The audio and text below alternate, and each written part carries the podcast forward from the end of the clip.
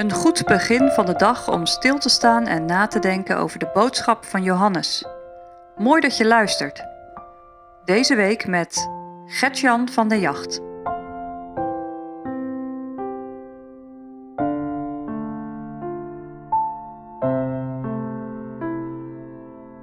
Liefde geboden is de titel van vandaag. Een gebod om lief te hebben, maar ook liefde die je wordt aangeboden. Ik lees met jullie Johannes 15, vanaf vers 9 tot en met 17. Gelijkerwijs de Vader mij lief gehad heeft, heb ik ook u lief gehad. In deze mijn liefde.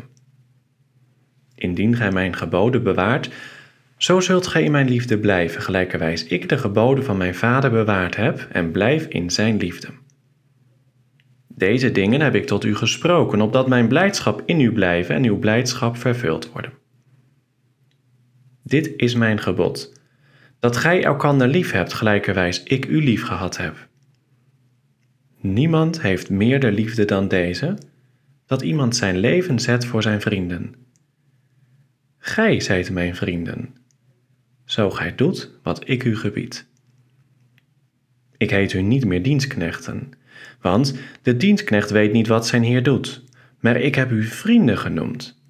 Want al wat ik van mijn vader gehoord heb, dat heb ik u bekendgemaakt.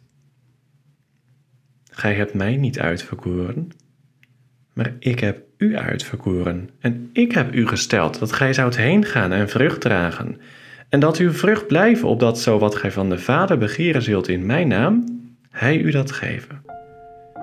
Dit gebied ik u, opdat gij elkander lief hebt.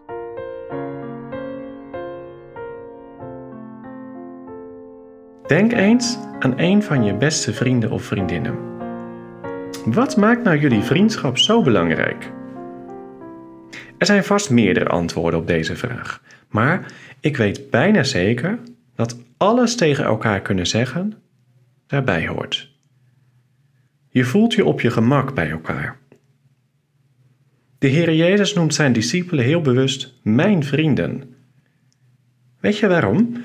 Omdat hij alles tegen hen vertelt. Alles wat zijn vader hem bekendgemaakt heeft, geeft hij door aan de discipelen. Wat kunnen we vanuit deze hoofdstukken veel leren over wie Jezus is? Dat de Heer Jezus alles aan zijn discipelen vertelt, wil niet zeggen dat ze ook meteen alles hebben begrepen. Ik moet eerlijk zeggen dat ik dit best een moeilijk gedeelte vind, want hoe moeten we elkaar nu lief hebben? Als het gaat om liefde, wordt Gods liefde allereerst genoemd door de Heer Jezus. God de Vader heeft zijn Zoon lief. En net zoals God hem lief heeft, heeft hij ook zijn discipelen lief. Hij geeft hen liefde. En vervolgens gebiedt hij om zo ook elkaar lief te hebben. Maar hoe moet dat dan? God en elkaar lief hebben.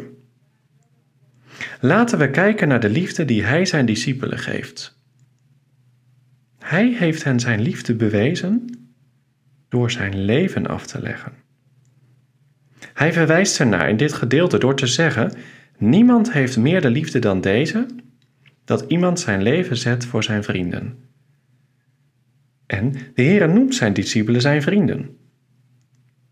Moet je nagaan, je eigen leven geven.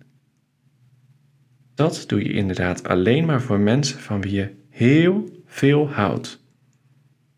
Je vrouw, je kinderen of je beste vriend. Wat blijkt zijn liefde hieruit? De manier van liefhebben vraagt de Heer Jezus ook van zijn discipelen. En als hij het van zijn discipelen vraagt, vraagt hij het vandaag ook aan jou en mij. Liefde moet alle verhoudingen kenmerken. Het is geen plicht die dwangmatig wordt opgelegd. Nee, het is een gebod uit liefde. Misschien vraag jij je af hoe dit in de praktijk vorm krijgt. Nou, Johannes maakt dit zelf in zijn zendbrief, in 1 Johannes, heel eenvoudig te begrijpen. Hij draagt haar op om broeders en zusters die gebrek lijden te helpen. Je kunt je ogen dan toch niet sluiten voor je klasgenoot, je medestudent, een lid uit jouw gemeente? De Heer Jezus vraagt van jou om anderen lief te hebben zoals Jezus zijn volgelingen lief had. Daarvoor is het nodig dat je Zijn liefde kent. Hoe zit dat bij jou?